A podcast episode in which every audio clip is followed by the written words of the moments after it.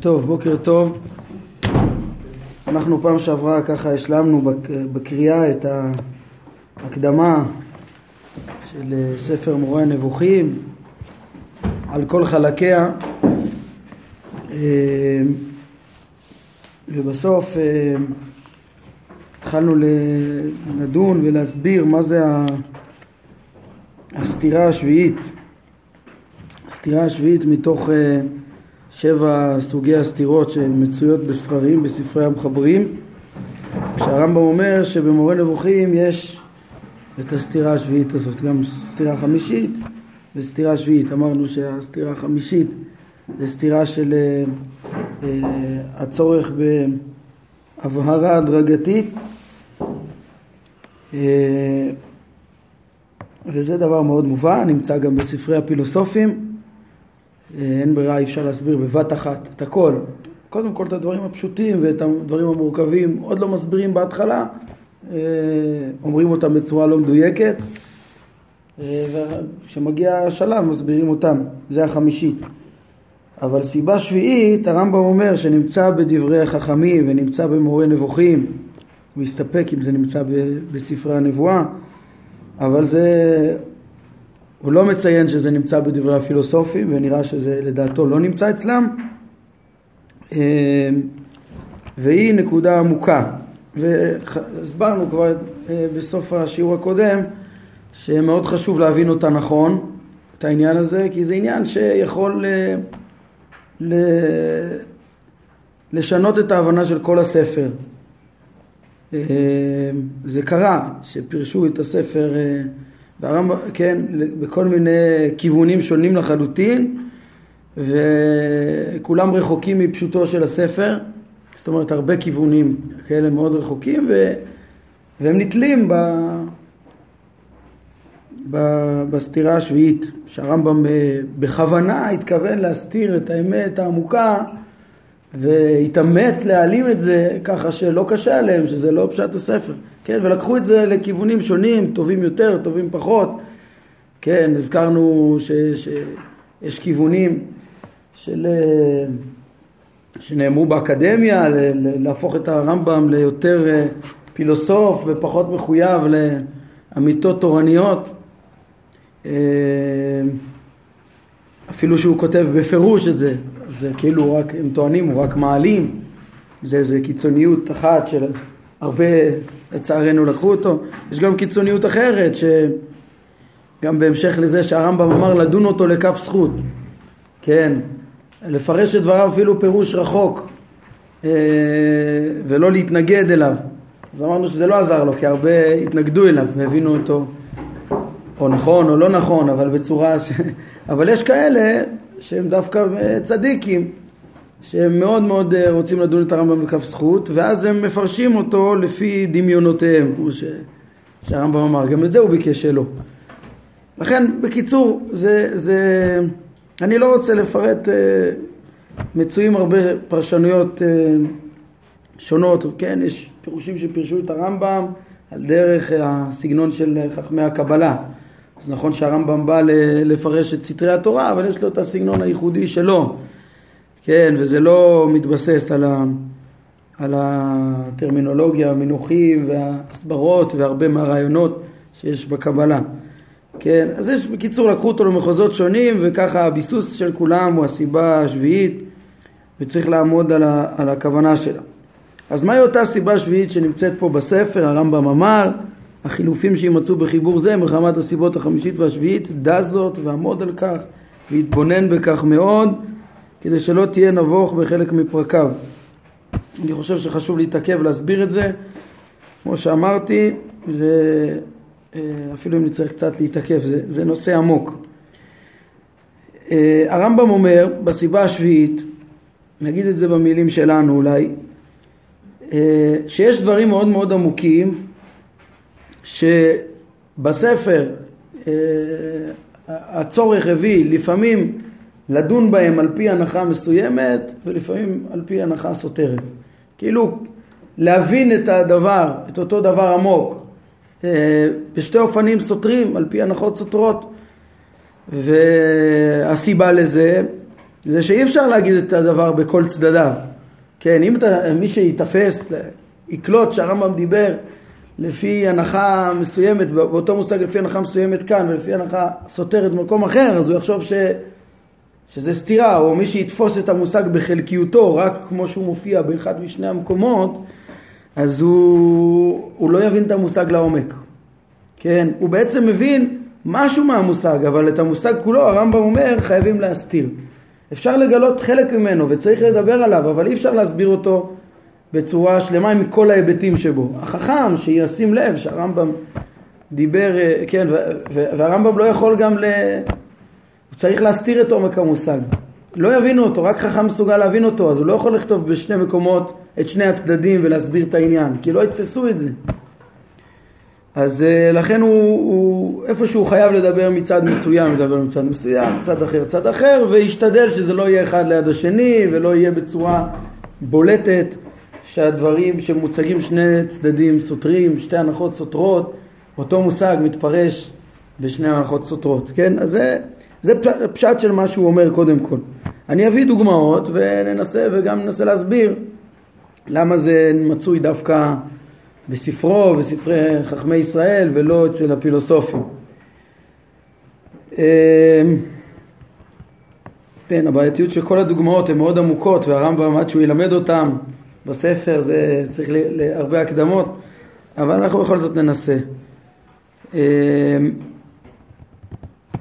ניתן דוגמה אחת אולי אה, מסתירה שהטרידה אותי לפני כמעט עשר שנים, קרוב לפחות קצת, אה, שלמדתי עם מורה נבוכים, אז, אה, אז שמתי לב שהרמב"ם במקומות שונים קצת סותר את דבריו בענייני ההשגחה.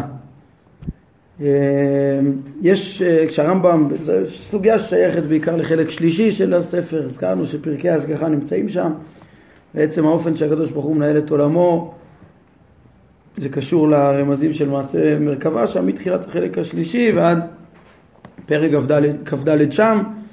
בפרק י"ז הרמב"ם מונה דעות בני אדם בהשגחה, חמש דעות, אה, כן אין לכם פה את חלק שלישי, אה, ושם הוא מלמד שדעת התורה ואיך שהוא גם כן אה, מבאר את התורה, יש השגחה של הקדוש ברוך הוא על כל בני האדם, כן, בצדק מופתי בהתאם למעשיהם של בני אדם.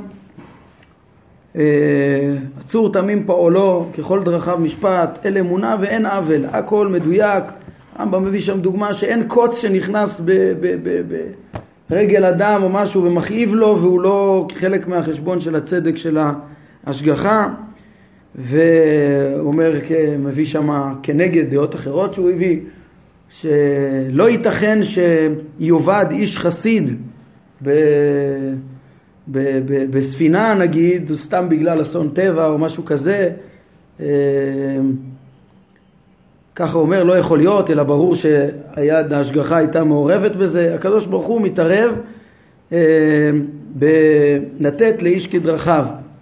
כופרים מעלליו, אומר זה, זה, זה יסוד בדעת תורה. הרמב"ם גם מוסיף שם שאומר, ואומר שהרמה של כמה הקדוש ברוך הוא יתערב וישנה לטובת האדם את הטבע, אה, זה משתנה בהתאם לרמת, לרמתו של האדם, כמה הוא יודע את השם, כמה הוא, הוא משיג את השם, כמה הוא חכם, לפי רמת חוכמתו ועומק דעתו את הבורא, הוא יותר דבק בבורא ויותר, ויותר מושגח, יותר יהיה ניצול מן הפגעים.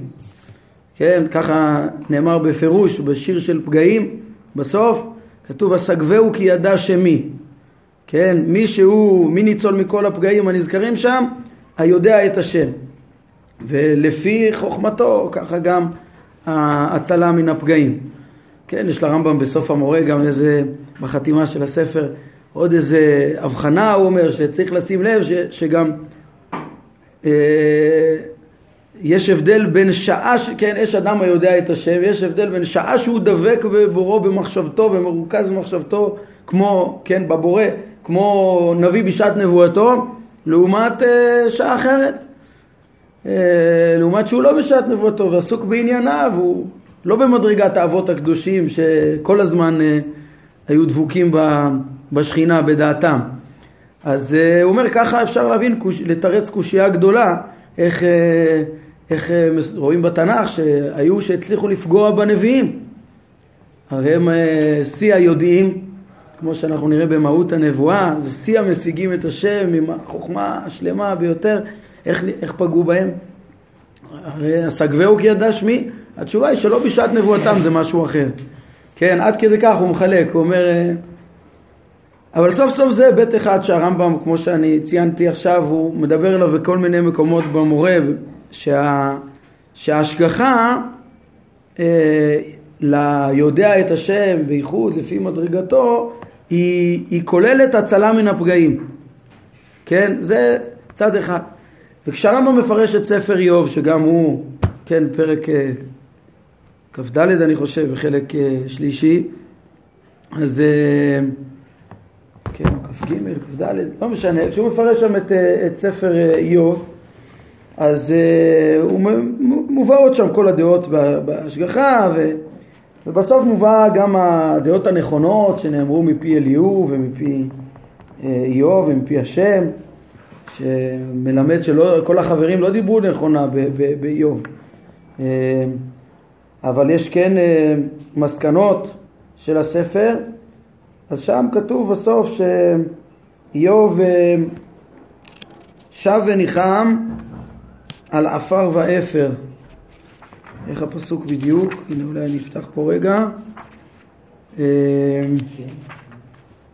פרק, הנה. פרק כ"ד, כ"ג. הנה, על כן אמאס וניחמתי על עפר ואפר. זה אחד המסקנות החשובות, וכשאדם יבין שבעצם החומר הוא, הוא דבר מאוס ולא חשוב, אז כבר אה, יקל עליו כל פגע. אני קורא בתרגום אה, שוורץ, כי אין לנו עדיין את מקבילי שם. אה, והפגעים לא יוסיפו לו ספקות באשר לאלוה.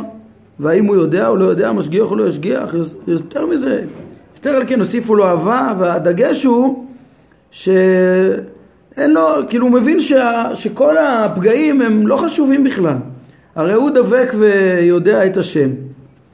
הוא ממילא לא אכפת לו מהעפר והאפר. ממילא לא אכפת לו בכלל מכל האיסורים הגשמיים שלו. כל מה שמפריע, כן, הרמב"ם שם לוקח כאילו את הרעיון הזה של ההשגחה שהיא היא מיוחדת והקדוש ברוך הוא מתערב בעיקר למי שיודע את השם לחכם אבל שם הוא לא אומר שבגלל שידע שמי אסגבהו מכל האיסורים אלא, אלא בגלל שהוא יודע את השם אז ממילא יש לו קיום בחיים האמיתיים, בחיים הנצחיים ולא משנה בכלל מה קורה פה בעולם הזה, ככה ש, שזה בכלל לא, לא מפריע לו, זה לא חוסר צדק. יש פה צדק, כי הוא צדיק ויודע ולכן הוא דבק בהשם, ולכן הוא נצחי. מה קורה עם הגוף שלו? אה, מס. ניחמתי על עפר ואפר, לא אכפת לי בכלל. יש שם מסר כזה. והמסר סותר לגמרי את האמירה כן, אם, אם ההשגחה היא, היא בעצם שככל שאדם דבק יותר אז הוא פשוט דבוק בהשם מבחינה רוחנית ויש לו קיום נצחי לעולם הבא ובעולם הזה הקדוש ברוך הוא לא, לא, לא מתערב ולא מציל, כן, ככה לכאורה יוצא משם. או וזה לכאורה ההפך דעת ההשגחה שהרמב"ם עצמו מלמד במקומות אחרים. ומלמד שברור שהנביא בשעת נבואתו אי אפשר לפגוע בו היודע הדבק, הקדוש ברוך הוא מתערב בבריאה, זה מיסודי האמונה. אה, הרמב"ם שם רומז את הדברים בתמצית וזה, והדברים לא בדיוק, כן, הם כאילו, גם יש פרקי ההשגחה, והמסר הוא ברור שיש, אה, כל מי ש... אם אנחנו לוקחים את המושג העמוק של השגחת השם, כן, ומעיינים בו, אפשר לראות שבפרקים שונים הרמב"ם דן בו לפי שתי ההנחות הסותרות האלו שתיארתי. כן? בהרבה פרקים הוא מלמד, ברור שהקדוש ברוך הוא מתערב בבריאה ומשנה אותה ומשנה ומציל מן הפגעים הגשמיים את היודע ובאותו מקום הוא ככה במעלים שגם ההשגחה על היודע היא עצם קיומו ודבקותו בבורא וכאילו לא אכפת לו בכלל מהעפר והאפר. זה, זה הנחות סותרות והן נעלמות. הרבה אה, למדו מורה נבוכים, גם אני בהתחלה שלמדתי מורה נבוכים לא שמתי לב לדבר הזה. הרמב"ם מעלים את זה, אבל זה לכאורה זה סתירה קשה. זה אחד הדברים שאני חושב שאם מעמיקים טוב טוב טוב בדעת הרמב"ם בעניין ההשגחה רואים שזה מושג מאוד מאוד עמוק שחייבים, לא, לא כל אחד יכול לתפוס אותו ואני לא יכול עכשיו להסביר אותו בהרחבה אנחנו נגיע לפרקי ההשגחה ונבין את זה דבר דבר אבל בעיקרון האמירות משתלבות בצורה מאוד מאוד עמוקה. שהקדוש ברוך הוא בעיקרון ברור שהוא מתערב בבריאה ועושה ניסים ומשנה את הבריאה לטובת אה, מי שהוא רוצה אבל גם צריך לדעת שהקדוש ברוך הוא בונה את הבריאה ואת חוקי הטבע בצורה צודקת והרמב"ם מאוד מרחיב בזה שם בתחילת חלק שלישי בצורה שכל החוקים צודקים וגם בלי התערבות בכלל הכל צודק. וחלק מה... הוא ידבר שם על החסרונות של החומר ומכוח מה הם נובעים ו... וכולי וזה חלק ממערכת צודקת גם בלי להתערב. והשגחתו של הקדוש ברוך הוא על הצדק שקורה עם כל אדם ואדם היא הרבה פעמים מחייבת לא להתערב דווקא. ואולי הצדק הוא, עיקר הצדק הוא בסוף ברור שחלק ממנו זה אבינה לאחריתם מה שנזכר בתהילים מזמור של אסף. תהילים ע"ג אני חושב ש, ש, כן, שבסוף כשהוא שואל שם על הרשע וטוב לו ורומז על צדיק ורע לו אז, אז, אז בסוף כשאדם יתפוס את הנצחיות של הדבקות בהשם, החיים האלוקיים האלה וזה, זה חלק מזה, אה, כן, השקלול של העולם הבא יצדיק גם כן את ההתנהלות והקשיים בעולם הזה, ולפעמים החוסר התערבות היא גם חלק מההשגחה. שוב, הנושא הוא מאוד עמוק, והרמב"ם מאוד חשוב, הכרח הדיון, מכריח ללמד את המסר, את ההנחה הנכונה של אה, אפשרות ההתערבות האלוקית. וקיום הדבר הזה. ובמקומות אחרים מאוד חשוב גם כן להבין את זה, זה לא ש... את, את הסדר שבטבע, את ההשגחה שהקדוש ברוך הוא משגיח דרך הטבע ולא משנה אותו, ו, וכל האפשרויות שיכול לקרות וכל הפגעים שיכולים לקרות בטבע הם חלק מה, מהמציאות הטובה, והיה השם את כל אשר עשה והנה טוב מאוד, והצודקת וכולי. ושוב, אני חושב שההבנה של העומק של הדברים היא, היא, היא קשה, אבל, אבל הבנה שהסתירה הזאת היא, היא יכולה להיות מה, מה, מהסתירה השביעית, מסוג הסתירה השביעית, זה נראה לי אה, מאוד ברור. אז התחלתי לספר שלפני כעשר שנים שמתי לב לניגוד הזה והלכתי ל, לרב שילת. אמרתי לו, הרב, מה אני עושה עם, ה, עם הסתירה הזאת? אז הוא שמח, הוא חייך, הלך לספרייתו והוציא אה, איזשהו כתב עת, אני לא זוכר איזה זה היה, ושם הוא, הוא מראה לי מכתבים ששלח רבי שמואלי בן תיבון לרמב"ם. כן, כידוע רבי שמואלי בן תיבון הוא תרגם את הרמב"ם, תוך כדי התרגום הוא, הוא התכתב עם הרמב"ם, התייעץ איתו לגבי תרגום מדויק למונחים שונים, לרמב"ם לא היה זמן לתרגם, הרמב"ם מעריך אותו מאוד מאוד ומדריך אותו בלימוד ובעצות בתרגום ועל פי זה רבי שמואל בן תימון תרגם, כן, לולא שהשפה שלו הייתה שפת ימי הביניים והיום אה, יותר אה, קשה להבנה, אז היינו לומדים אותו. אני, כשלמדתי את המורה, למדתי עם התרגום ההוא, קצת יותר צריך להתאמץ להבין את השפה, אבל, אבל זה תרגום שכמעט ואפשר לומר שהרמב"ם סמך ידיו עליו. הוא, הוא מדויק, הוא חכם שבין אותה תקופה שהבין את כל הדברים וירד לסוף דעתם. אלא מה שהיום הוא קשה, לכן בחרנו את המהדורה שלנו שהוסיפו עוד הרבה עזרים מסביב. אבל על כל פנים הוא מתרגם המורה וכמו שאמרנו הרמב"ם העריך אותו והוא שלח מכתבים לרמב"ם עם כמה שאלות אחרי כל תרגום המורה עיין רבי שמואל אבן תיבון במורה ונתקשה בכמה שאלות. הראה לי, הראה לי הרב שילת, הנה תראה השאלה שלך זה אחת מהשאלות ששאל רבי שמואל אבן תיבון אמרתי לו, נו, ומה התשובה?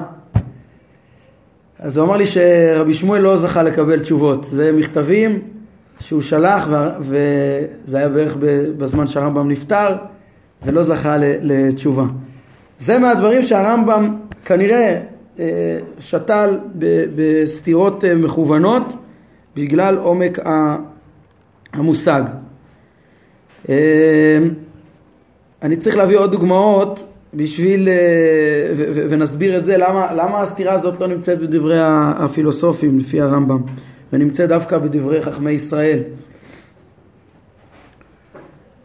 אנחנו נראה, זה גם נושא עמוק, שהרמב"ם בתחילת המורה, כשהוא עוסק בתואר האמונה, ההפשטה של הבורא, אז במובן מסוים הוא הולך צעד, ב, אה, אה, אה, הוא הולך בצד הפילוסופים, כן, אין, כן, זה הדבר הנכון שאפשר ללמוד מהפילוסופים, זה הרחקה של ההגשמה והפשטה וה... אה, הרחקה כן, משניות, מהרכבה בבורא, מתפיסה מגשימה. אה, אז בהתחלה הוא הולך בצידה עם הפילוסופיה, עם החוכמה, ונעזר בחוכמה לחשוף את עומק האמונה. זה חלק ראשון.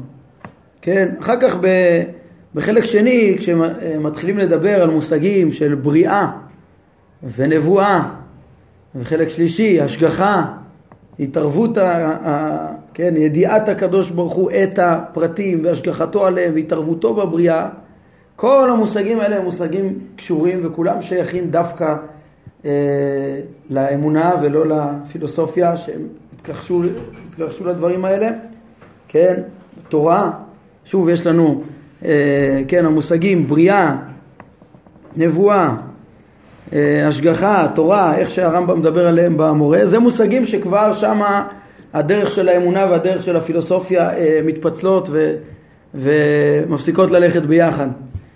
ואמרתי קודם שהפילוסופים תיארו את האמונה בשלבים האלה של הוויכוח על הקדמות או החידוש, על, ה, על הפנייה של הבורא לנבראים, על הקשר בין הבורא לנברא, על השגחתו עליהם, על רצונו, על ידיעתו, פה פתאום יש פה הבדלים גדולים והרמב"ם בסוף אומר שאלוהי אברהם זה לא אלוהי אריסטו, כן? זה דברים שהכוזרי כבר אה, אה, כתב אותם מאמר רביעי, סעיף אה, ט"ו אני חושב, אחרי הרבה עומק בהבנת תואר האמונה ובסוף הוא אומר יש ליקויים קשים מאוד בתפיסת דעת השם דעת האלוה שהייתה ל, ל, ל, לפילוסופים, ש, שבסוף זה גם לא, הם, הם מייחסים לו סכלות, הוא לא יודע את הפרטים, אפילו לא יודע, כן, את מה שקורה פה בעולם, שזה אחד החסרונות הכי גדולים שאפשר לייחס, אנחנו נראה מה, כמה מקומה של הדעה אה, אצל הרמב"ם, ואת הדבר הזה הם מייחסים לבורא, ועוד כל מיני אה, קשיים שיש אצלם, ש, ש, ש, אצלם, דרך אגב, גם ההפשטה שאמרתי, ההפשטה שהיא דבר חיובי, שבהתחלה אנחנו, אנחנו הולכים לצידם בנושא הזה ומשתמשים ב, בדבריהם, אה, זה גם הכוזרי ככה כותב, אה, שזה הדבר הטוב שיש לקחת מה, מהפילוסופים. מי שיסתכל, מאמר שלישי, סעיף י"ז בכוזרי, אז אה, הוא מבאר שם את התפילה. אה, זה כבר סעיף י"ט, יש שם, כן, סעיף י"ט, זה הברכות הראשונות של, ה, של התפילה, אז יש שם את ברכת אבות וברכת אה, תחיית המתים, ששם אה, מבוטא הקשר של הקודש ברוך הוא לנבראים, כן, מביא גואל לבני בני מן, שמו באהבה, השם אלוהי, כן, פונים אל, אל אלוהי אברהם, אלוהי יצחק ואלוהי יעקב, פונים אל האלוהים שמתחבר ב- בישראל, שמשגיח עליהם, ש... שכן, התחבר באבות, השגיח על האבות, מנבא אותם וכולי, מודגש החיבור, מודגש גם בתחיית המתים, גבורות גשמים וההשגחה של הבורא והיחס. אומר רבי יהודה הלוי, אחרי שתי הברכות האלה מגיע ברכת אתה קדוש. בברכת אתה קדוש אנחנו מרוממים ואומרים אף על פי שהקדוש ברוך הוא מתייחס אלינו, שמה בעצם אנחנו מרוממים את השם קדוש, קדוש, קדוש, אה, ומרוממים אותו מכל תפיסה וכל השגה, כמו שרוממו אותו הפילוסופים. ככה הוא אומר. זה הצד הטוב של הפילוסופים, כן? זה גם נמצא אצל אה, רבי יהודה הלוי, אבל הם, הם, הם, הם לא מבינים את הנושא העמוק ביותר שיש בדעת אל, אלוהים, שזה הנושא של היחס שלו לברואים, לעולם. בכל הנושאים האלה שאמרתי, דווקא בהם יש את הסתירות, זה הנקודות הכי עמוקות, ויש את הסתירות שצריך לדון לפעמים לפי הנחה אחת ולפי הנחה אחרת לא. למשל, ניקח דוגמה להסביר את זה. כל הסוגיות האלה הן בעצם סוגיה אחת של הקשר של הבורא לנברא, וכולם הם בעצם אצל הפילוסופים נפתרו על ידי, אה, כן, בעיקרון, בפתרון שכמעט פתר אותם מכל הסתירות. פתרון כאילו פשוט, כשהם באו ואמרו אה, שהעולם קדמון, הם, הם רצו ש, שלא יהיה שינוי בבורא, כן, כמובן גם אנחנו מסכימים, אין שום שינוי, את שלמותו, חיפשו את שלמותו, ולכן שללו את ה, כל פעולה מחודשת, כל פעולה רצונית ממנו, שללו, שללו את הרצון, וכל פעולה שמחודשת. אה, אה, אצלו הכל, העולם שופע אה, בצורה קדומה ונצחית, זהה בלי שינוי מהבורא, בלי כוונה, בלי רצון, בלי שינוי. לעומת זאת, התורה מספרת על, על בריאת העולם, ומילא אה, פעולת הבורא, שבהתחלה לא פעל ואחר כך פעל, ופעולה ברצון, שהרצון מיוחד לעת מסוימת, הוא לא דבר נצחי, גם אם, כן, אה, רצון לא רק אה, של פעולת הבריאה, רצון מתמיד, שהקדוש ברוך הוא יודע את הפרטים, ומשגיח עליהם ו- ו- ומחדש ניסים ועושה כל דבר מה שרוצה בעת שרוצה ולא לא נבצר ממנו דבר, הוא לא איזה משהו תקוע מכוח סטטי אה, של, של, של, של כבול ולא יכול להתערב. כל הסוגיות האלו של ידיעה שיודעת את הפרטים המשתנים, של רצון בבריאה, של אה, השגחה, של בריאת העולם, של נתינת תורה, של מתן שכר ועונש. מתן שכר ועונש של תורה, ב, ב, ב, ב, מבחינה מחשבתית יש בזה חידוש עצום. זה תגובה אלוהית למעשה האדם. והרי מעשי האדם הם אפשריים, וזה מיסודי התורה, זה בחיר, יש בחירה חופשית. זה לא משהו שיכול להיות קבוע מראש. אז כאילו מובנה פה השינוי בצורה הכי קיצונית שיכולה להיות, הכי חופשית שיכולה להיות. מעשה בני אדם חופשיים לחלוטין, ומה שהאדם יעשה, בהתאם לזה השם ייתן לו שכר ועונש. זה, זה, זה, זה כאילו הסתירה, זה, זה השינוי והסתירה הכי קשה שיש לעומת הנצחיות של ה... אה, ש, ש, ש, כאילו של הסטטיות, החוסר אפשרות של הבנה של השינוי, של השלמות, עם דבר שלם, לא אמור להשתנות, לא, לא אמור לנוע, לא אמור לרצות, כמו שכולם מכירים מה... סעיף א' של הכוזרי ודברי הפילוסוף. הדברים האלה הם אה, מחייבים את הרמב"ם לדבר באות, באותם מונחים עמוקים על פי הנחות סותרות בספר. לפעמים, כן, מאוד חשוב להדגיש את הצעד של ההפשטה הפילוסופית ובאמת אין אצל השם שינוי. באמת אין בידיעתו שינוי. באמת רצונו הוא לא דבר שמתחדש מרגע לרגע ולא חסר לו כלום. כל המושגים הרמב"ם יפשיט ויאמר שאין לנו שום השגה. כל הדברים האלה אין בהם שום השגה. ואין בהם שינוי, והוא ידבר מהצד הזה, מהצד ההפשטה של אין שינוי. אבל מצד אחר הוא ידבר גם כן בזה שברור שיש השגחה וברור שיש בריאה וברור ש, שיש שינוי והרמב"ם מתייחס לשאלות ו, ויסביר בסוף איך ההבנה העמוקה היא שאין שום השגה, כל כך עמוקים המושגים, כל כך בלתי אפשר לתפוס את הקדוש ברוך הוא, כל המושגים שאנחנו מדברים הם רק על דרך השלילה, אנחנו נראה את התארים השוללים, כשאנחנו אומרים שיש רצון, אנחנו לא יכולים להבין מהו רצון, רצון אצלנו זה דבר משתנה, והוא לא מסתדר עם ההפשטה הפילוסופית. ידיעת הפרטים שמשתנים זה דבר משתנה, זה לא מסתדר עם הסטטיות הפילוסופית של השלמות הפילוסופית.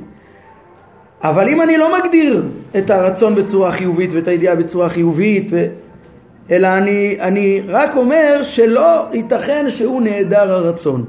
אבל אני לא מבין אותו. הוא אחד ואין שני ואין בו ריבוי, אין בו שניות, אין בו היעדר ידיעה, אין בו סכלות, אבל אני לא יכול להגיד שום מילה ש, שתהיה הגדרה נכונה שלא תחייב ריבוי, כמו שאנחנו נראה. אז דווקא ההפשטה יותר עמוקה בסוף יכולה לדבר גם על ההנחות של ה... אה, נקרא לזה הסטטיות הפילוסופיות וגם הדינמיות של ההתגלות האלוקית אה, ביחד וזה נושאים עמוקים וזה נושאים שצריך לדבר עליהם לפי הנחות אה, שונות והן לא נמצאות אצל הפילוסופים בעיקרון. כן, אולי יש מקומות שגם הפילוסופים היו צריכים לדבר על דברים מעין אלה, כמו שהרמב"ם מלמד אותנו, שלשיטתם נגיד גם השכל הפועל, שכל הזמן משפיע, אבל אה, טוב, מושגים צריך להסביר אותם, ורק מחמת הכנת החומרים לקבלם שופע ממנו שפעים שונים. סיבת שינוי השפע זה סוף סוף השכל הפועל לפעמים משפיע, לפעמים לא משפיע, לפעמים החומר מוכן, לפעמים החומר לא מוכן.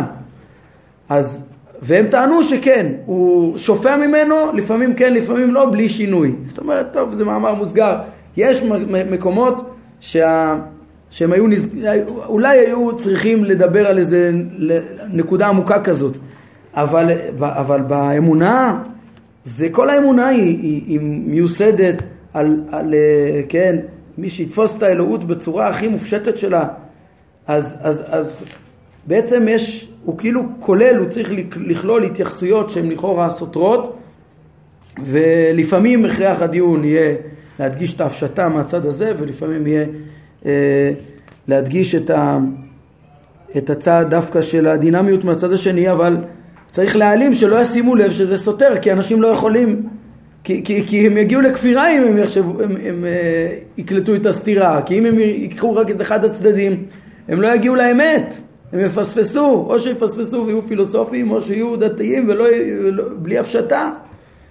ולכן אה, דווקא החכמים הוצרכו אה, לדברים האלה, דווקא חכמי התורה, חכמי האמונה ולא הפילוסופים.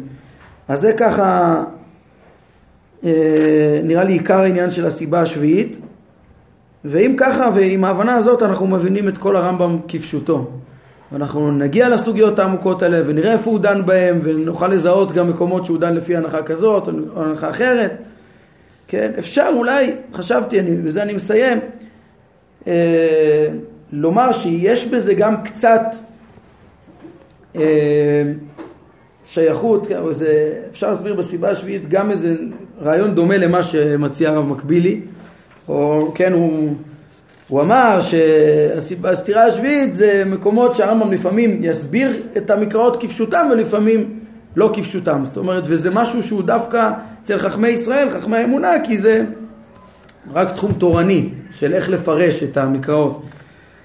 אז uh, כבר אמרתי שזה, והרב מקבילי עצמו שם לב שזה רעיון קצת uh, בעייתי להגיד שהרמב"ם, uh, כן, קיים הדברים האלה, אבל זה לא נראה לי דבר כל כך שצריך להסתיר אותו, אלא ניקח את זה למקום קצת אחר מהרב מקבילי, שחכמי התורה והאמונה הם אלה שצריכים, בכלל התורה וכתבי הקודש הם באים ללמד את דעת השם.